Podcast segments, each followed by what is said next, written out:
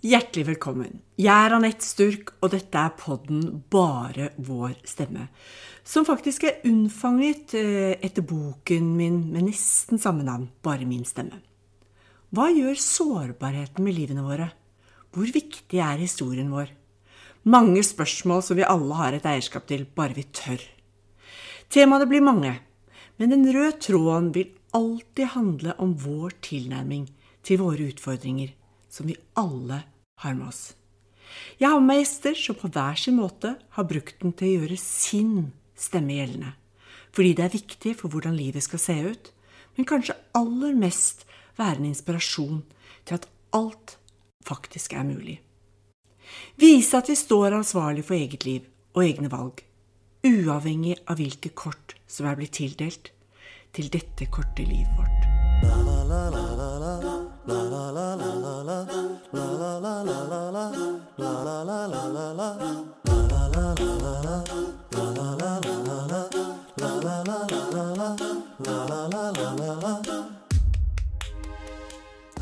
gjest i dag, hun stråler når hun kommer inn rommet.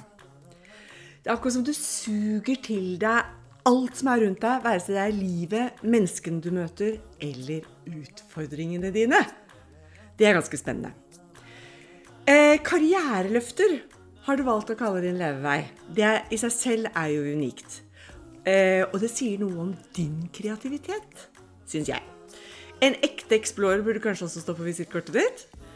Ehm, Du startet ut med den fysiske kroppen, og så har du gått videre til den kreative, litt sånn gåtefulle narrativet til oss Homo sapiens. Det var veldig Eh, Ditt høyeste, tror jeg, og inderligst- inderligste ønske er å løfte og vise at alle har sitt eget unike potensial. Og du gir deg ikke. Du kommer aldri til å gi deg før det er en realitet, tror jeg. Få frem alle aspektene våre, så hver av oss en kan skinne, rett og slett. Du er hel ved, er det første din venninne Kjersti bekrefter. det er deilig.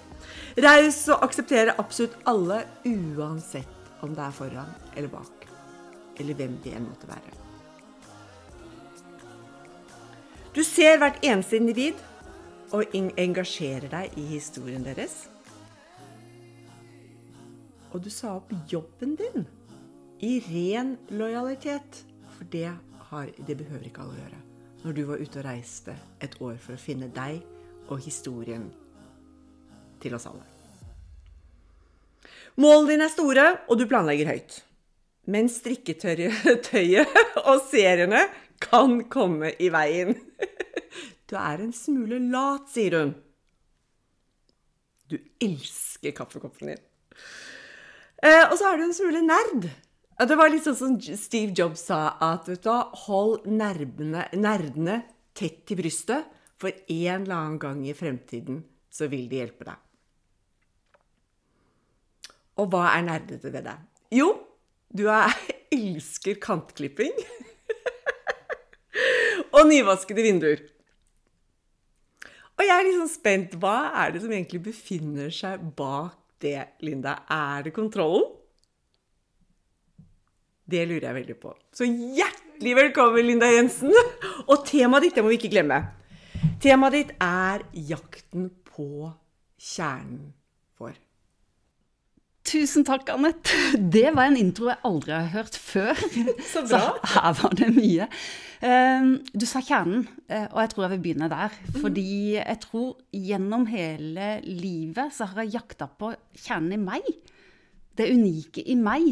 Og i det ligger jo også Hva i all verden er denne kroppen, dette systemet, i stand til å gjøre? Og så har jeg vært, eh, i, tillegg til å være nysgjerrig på meg, så har jeg vært like nysgjerrig på andre. Og hva i all verden er det de eh, har av egenskaper eller ferdigheter, og, og hva de kan få til. Og så har jeg underveis også um, I den jakten på kjernen, så har det jo også vært eh, Så kommer vi jo i møte med alle andre mennesker. Og når du kjenner på de sosiale mekanismene i forhold til Ok, er det greit at det er meg, da? Fullt og helt? Eller er det en mekanisme som kommer i sving, og som prøver å presse meg til å være noe annet. Og det var overraskende om ikke vi alle gjennom livet har vært igjennom perioder hvor vi kjenner at vi har blitt pressa ut til å være litt noe annet. Latt oss presse, eller trodd vi burde være, før vi på et eller annet tidspunkt i livet, tror jeg, finner, får et behov for å komme tilbake. Eller det skjer noe som dytter oss til å gå i en prosess med oss sjøl for å finne tilbake. Er det greit å være Linda? Det er greit å være Linda. Det er det.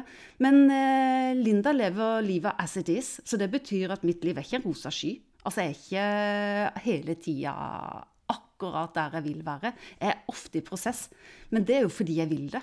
Og det er jo fordi jeg får erfaringer som gjør at eh, jeg vil lære, jeg vil utvikle meg, og da må jeg tørre å hoppe ut av komfortsonen for å utforske noe nytt. Men prosess, ikke sant, det er sånn eh, ord som eh, fagfolk sier. Ja. Hva vil det si å være i prosess? For jeg tenker at Går du fra A til B, eller hva er det du holder på med? Og da? da, da hviler jeg i at jeg er underveis. Da hviler du etter. Hva skjer underveis, da? Underveis så, så, er jeg på en, så har jeg en oppdagelsesreisende. Mm, og det kan være at jeg drar til et annet land for å utforske meg selv. Sier hvem meg selv, hvem er jeg i møte med en kultur. Men det kan like gjerne være i eh, en oppdagelse av meg selv hvis det skjer store ting i livet. Hvem er jeg nå? For Har du- eksempel. Har du alltid hatt det sånn? Når var det du liksom fant ut at vet du hva, her er det et eller annet som det ikke er helt som det skal? Eh, Ja. Når skjedde oppdagelsen? Ja, mange ganger. Mange ganger. Ja, det var første Ja, det, nei, det jeg husker tilbake til det aller første, det var at håndballen var bare noe av det fineste jeg visste. Eh, Det var eh, Så når jeg var 18, så flytta jeg hjemmefra for å spille håndball. Og det var en av de der dytta ut i noe helt nytt, for å erfare hva det var. Eh, Og så har jeg også hatt eh, perioder i jobben. Jeg er veldig glad i å starte med noe nytt, lære meg det, og så går det noen år, og så begynner jeg å kjede meg litt, og så må jeg ha noe nytt. Så det har vært en driver i meg. At jeg, må, jeg har hele tida beveget meg over i nye faser, nye områder, lære noe nytt, være underveis. Så for min del så er jo det å være underveis, det er også en holdeplass, det er et ordtak. Så for min del handler det, tror jeg, om å være i bevegelse og hele tida lære noe nytt, utforske noe nytt, oppdage noe nytt. Det er meg. Tror du det er liksom ditt kreative språk? Tror du det er kanskje en, kanskje er det en rød tråd for kreative mennesker? Og da tenker, Når jeg sier kreative mennesker, så tenker ikke jeg at du maler eller synger, men da tenker jeg det at du tenker kanskje noen andre tanker som ikke dermed er gitt, eller Jeg vil hele tida komme til utforske det jeg ikke vet ennå. Ja, så er jeg enig med deg. For veldig ofte så har vi lett for å gå igjen i mønsteret. Gjøre det samme. Og ikke eh, være nysgjerrig på nye ting. Og det tror jeg at jeg er. Jeg er nysgjerrig på nye ting. Så jeg kan gå i mønster en periode, men etter hvert så vil jeg føle meg fanga. Så da må jeg ut og ha noe nytt for å kjenne på friheten og gleden over å, å utforske noe nytt. Lære noe nytt. Husker du noen sånne konkrete eksempler i ditt eget liv hvor du har kjent at nå er du på en måte puttet i en boks, eller har blitt stagnert? Altså, vi lar jo oss selv stagnere, men, Ja, men ja, ja. Ikke sant? Hvor, hvor, man ikke helt er obs på at å, det, her skal ikke jeg være. Her, Dette passer ikke meg.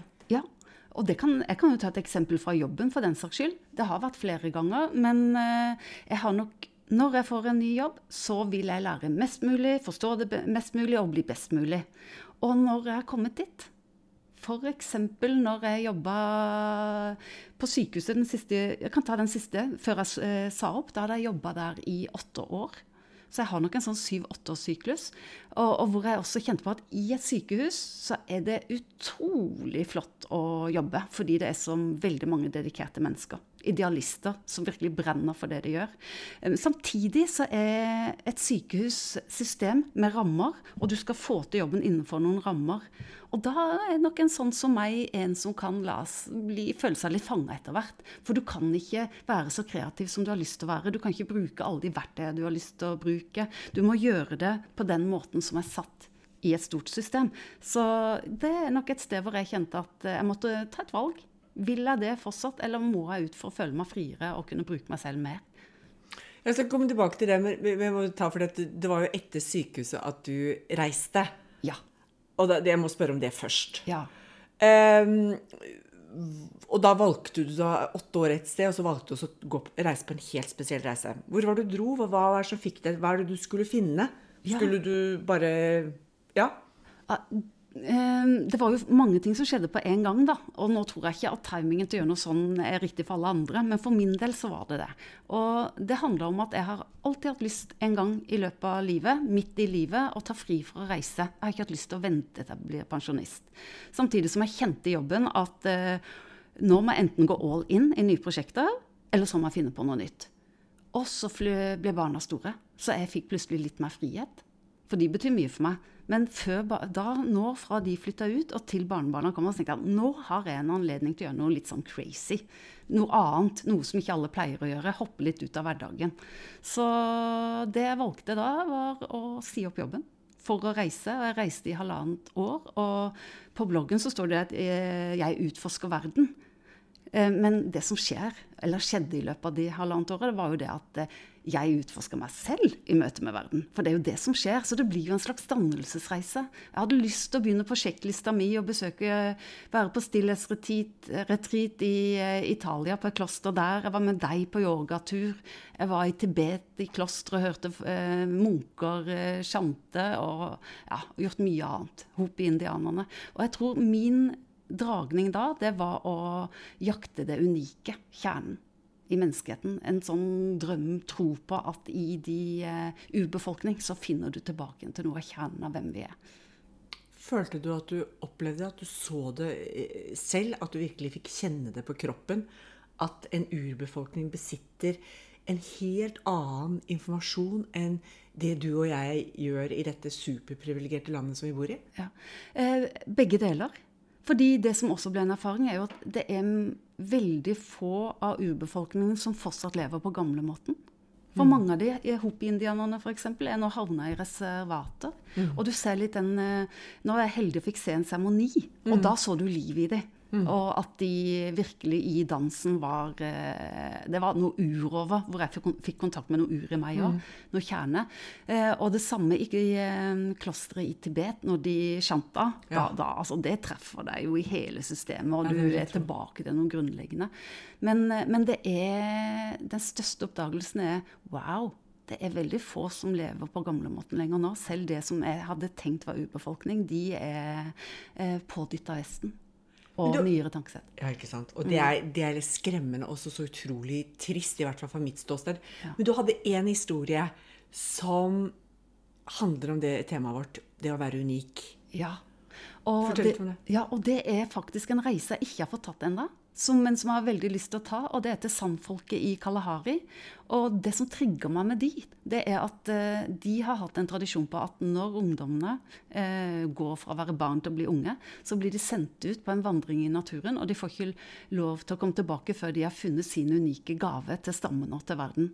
Og det de gjør da, er at de skal sette seg ned og meditere og få ja, snakke med forfedre og hvordan de i sin tradisjon eh, utøver det, eh, for å komme til, til, hva som er deres unike gave til verden. Hvilken kvalitet er det de vil eh, tilføre stammen, som er til glede for alle, til hele verden? Spennende. La oss ta en liten hypotetisk øvelse. Hvis vi nå hadde overført dette til vårt norskifiserte og norske samfunn, hvordan tror du vårt samfunn ville sett ut i fremtiden? Og den hypotesen jeg har da, det er jo at hvis alle fikk lov til å være seg, altså og, leve livet fra kjernen av seg, så ville vi jo ikke hatt så mye stress. Da ville vi ikke hatt så mye lav selvtillit. Da ville vi ikke hatt folk som eh, fikk psykiske utfordringer i løpet av livet. For de var seg, ble sett som seg og ble heia på for å bli enda bedre i det som er deres talent eller kjerne eller gave. Og vi ville kanskje ikke hatt Jeg tenker på avundsjukhet, heter det på svensk. Det heter misunnelse. Nettopp. Fordi i det ligger også det med toleranse for forskjellighet og gleden over forskjellighet. Og wow, så spennende! Det, ikke, det kan ikke jeg noe om. Kan du fortelle meg mer? Hvis vi kunne vært mer nysgjerrige på hverandre og hjulpet hverandre å få det ut.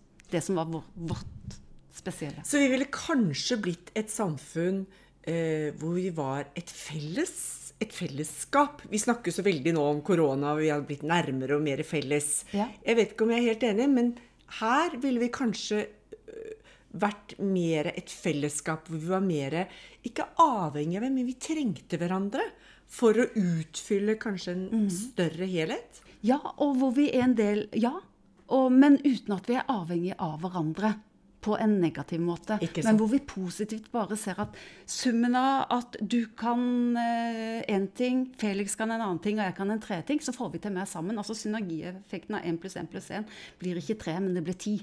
Ikke sant? Ja.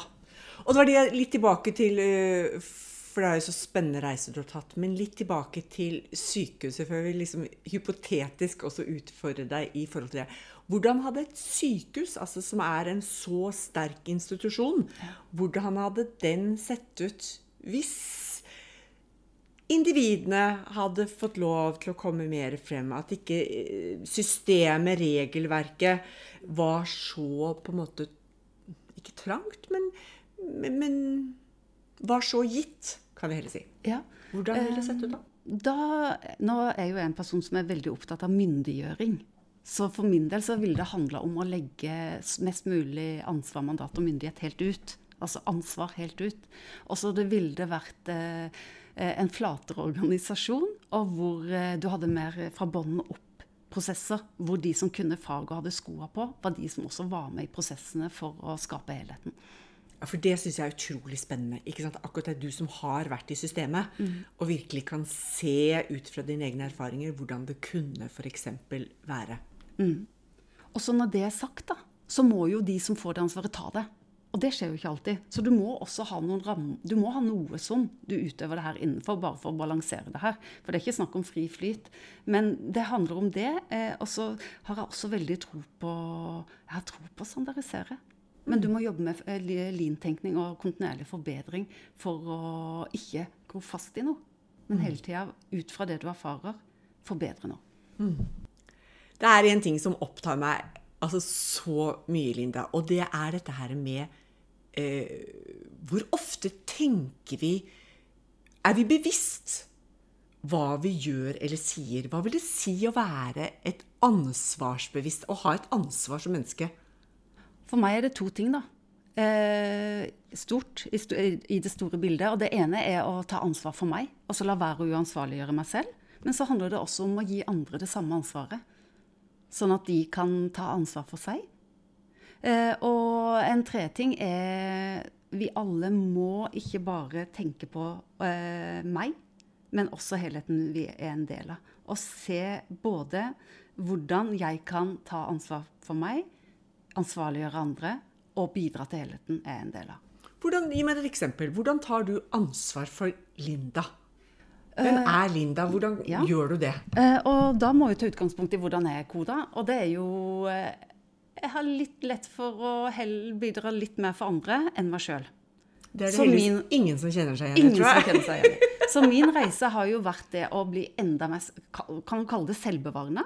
Ja. Men i hvert fall til å være like empatisk overfor meg sjøl som jeg er overfor andre. Det har vært min treningsleir. Så det handler om å få til begge deler, men ikke for mye av den ene og for lite av den andre. Men jobbe mot en balanse. Men det betyr da at når du står opp om morgenen, da, sitter med din kaffekopp, så må du ha en bevisst, klar bevissthet på deg selv at i dag skal jeg telle like mye som alle andre. Og så må du ha den rett og slett gjennom dagen, for hvis ikke så klarer du ikke å gjøre det. For det hjelper jo ikke bare å ha tanken der. Nei, Eller eh, det begynner med bevisstheten. Og så handler det jo om hvordan jeg kan ta den med meg ut i hverdagen. Når livet skjer med meg. Når jeg møter deg, og du vil ha noe av meg, og jeg egentlig trenger noe annet. Jeg trenger en rolig dag i dag, for det har vært så hektisk, f.eks. Og sier jeg da ja, eller sier jeg nei? Hvem sitt behov tar jeg vare på? Eh, så det, det begynner med en bevissthet. Og så handler det jo om å bare ut og trene i hverdagen. Og du vil få det til noen ganger. Og til å begynne med så får du til det én av ti ganger, to av ti ganger, inntil du har trent inn en ny vane. Rett og slett. Føler Og det, og det kjenner jeg så godt på kroppen. Men føler du at omverdenen da ser deg med litt andre øyne? Når du plutselig en dag, Linda som alltid sier ja, så plutselig sier du Nei, jeg tror ikke jeg har lyst, jeg. Og det som er litt interessant, er jo det at en tror i forkant sjøl at andre vil synes det er så negativt hvis en er tydelig på sine egne behov. Men så er jo erfaringen at de aller fleste syns det er bare befriende og veldig deilig. Og tydelig. Og hvis du mø jeg møter noen da som ikke syns det, og aksepterer at jeg trenger å være på meg sjøl, så tenker jeg OK, eh, men da er det ikke, kanskje ikke sånn som deg jeg skal eh, ha så mye mer tid sammen med. For det handler om også å ha mennesker rundt oss som ser oss og våre behov, og som vi kan ha en åpen dialog med. Det er mennesker jeg ønsker er nært meg. Og så sier du, og det, det er veldig fint forklart, jeg tror de fleste kan gjenkjenne seg absolutt i tematikken, for å si det sånn. Eh, Men så sier du eh, ansvar Jeg gir deg ansvar. Og da er jeg så spent. Hva slags ansvar gir du til meg? Hvordan vil du formulere, eller hvordan du vil forklare det? Ja, eh, jeg må bruke ett faguttrykk, og det er Det skal du få Det skal du få lov til. Tusen takk.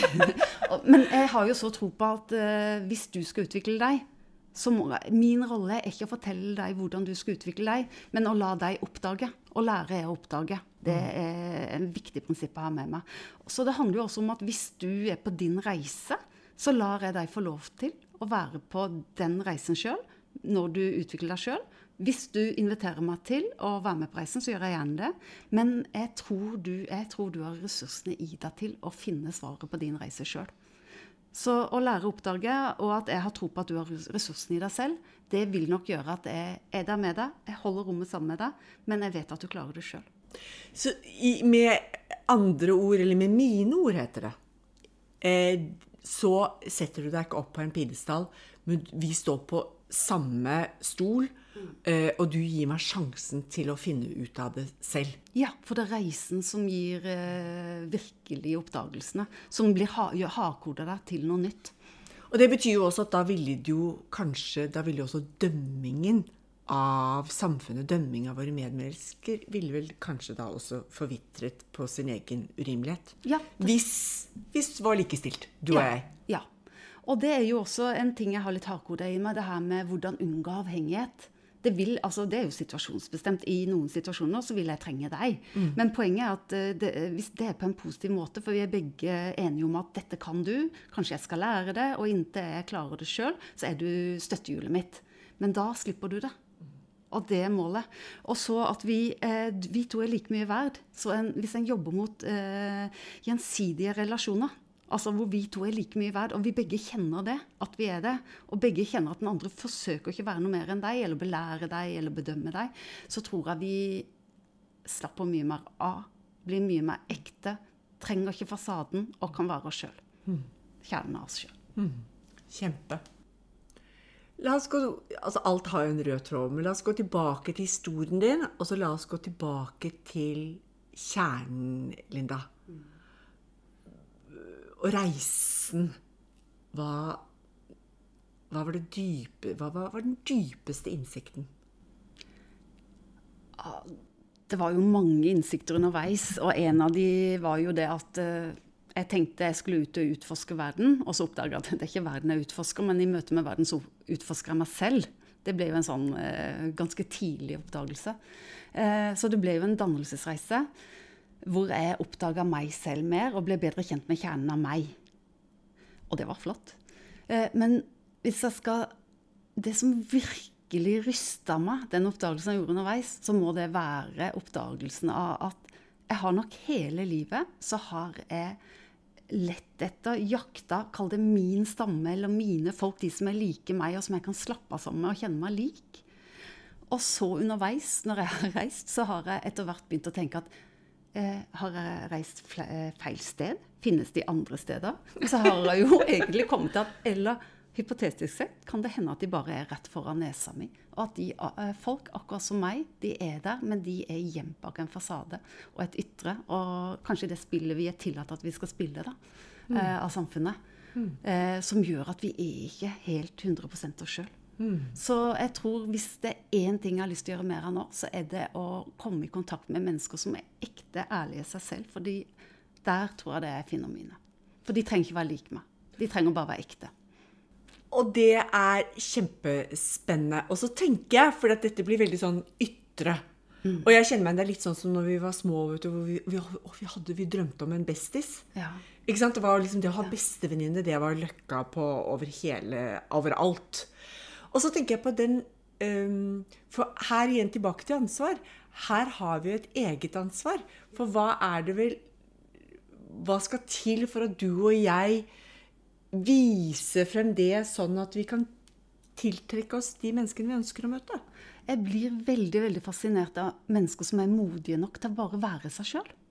Så jeg tror det å hente motet i å være seg sjøl, og tørre å være litt sårbar, og legge oss sjøl fram, for så få erfaring på responsen. Og jeg tror vi får en mye bedre respons på det enn det vi frykter.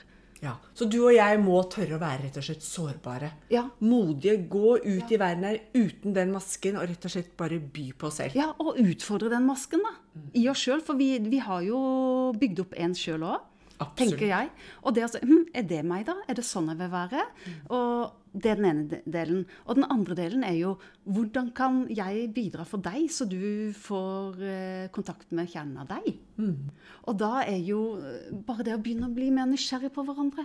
Det er ikke riktig at du, viktig at du mener det samme som meg. Eller eh, eh, er det samme som meg. At like barn leker best alltid. Men tenk så utrolig spennende hvis vi kan lære mer om hverandre. Være nysgjerrige og være støttende på at folk skal være seg.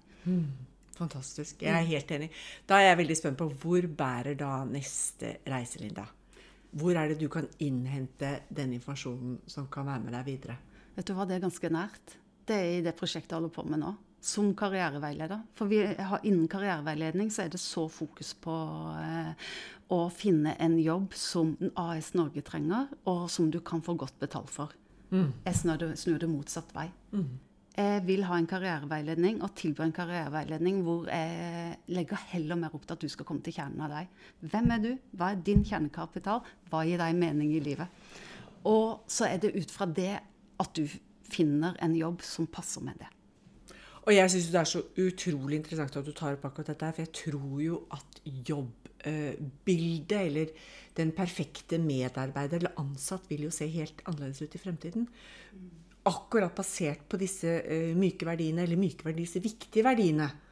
Fordi eh, Sånn at du får en breddekompetanse i EQ istedenfor IQ. Absolutt. For å kunne forstå mennesket, hvordan vi er satt sammen, for å kunne utvikle og bear... Altså, sånn at vi får frem det beste potensialet. Absolutt. Også Det er vel det du holder på med? Ja, absolutt. Og ikke bare få frem hva du er god på, men også få frem hva som gir deg mening. For det er gjerne der du har fuel på tanken, finner motivasjonen din til å nå det målet.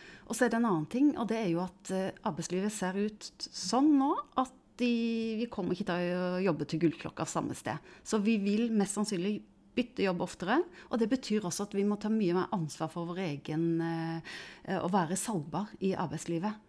Og skal du være salgbar, så er det lettere hvis du er autentisk. Ja, for det, det var litt av poenget. ikke sant? Ja, for jeg tenker, eh, Det du gjør, er vel egentlig på en måte bare produkt av hvordan du har det. Hvis du på en måte har funnet frem til din indre klokke eller din indre Så kan du vel egentlig nesten drive med hva som helst, kan du ikke det? Det er en spennende hypotese. Ja, ja ikke sant? Hypotese. Det, ja. Og så er det jo en annen ting i det måten jeg gjør det på. Det er jo at jeg har kobla karriereveiledning med design thinking. Og Ja. i design thinking så handler det jo mer om å tørre å tenke stort. Tørre å tenke alternativer som er litt utafor rammen av hva du egentlig hadde gjort. Og så handler det om å teste de ut. Og så er det jo gjennom at du får erfaringen når du tester de ut, at du gjør oppdagelsene på hvordan det er, og kan ta beslutninger og valg. Så du er ikke redd for eh, å gå på trynet i det hele tatt? Nei. Feile? Nei. Det verste som kan skje, er at jeg lærer noe. Ja. Fantastisk. Det har vært en sann glede, Linda, og veldig, veldig spennende. Så tusen hjertelig takk. Takk skal du ha.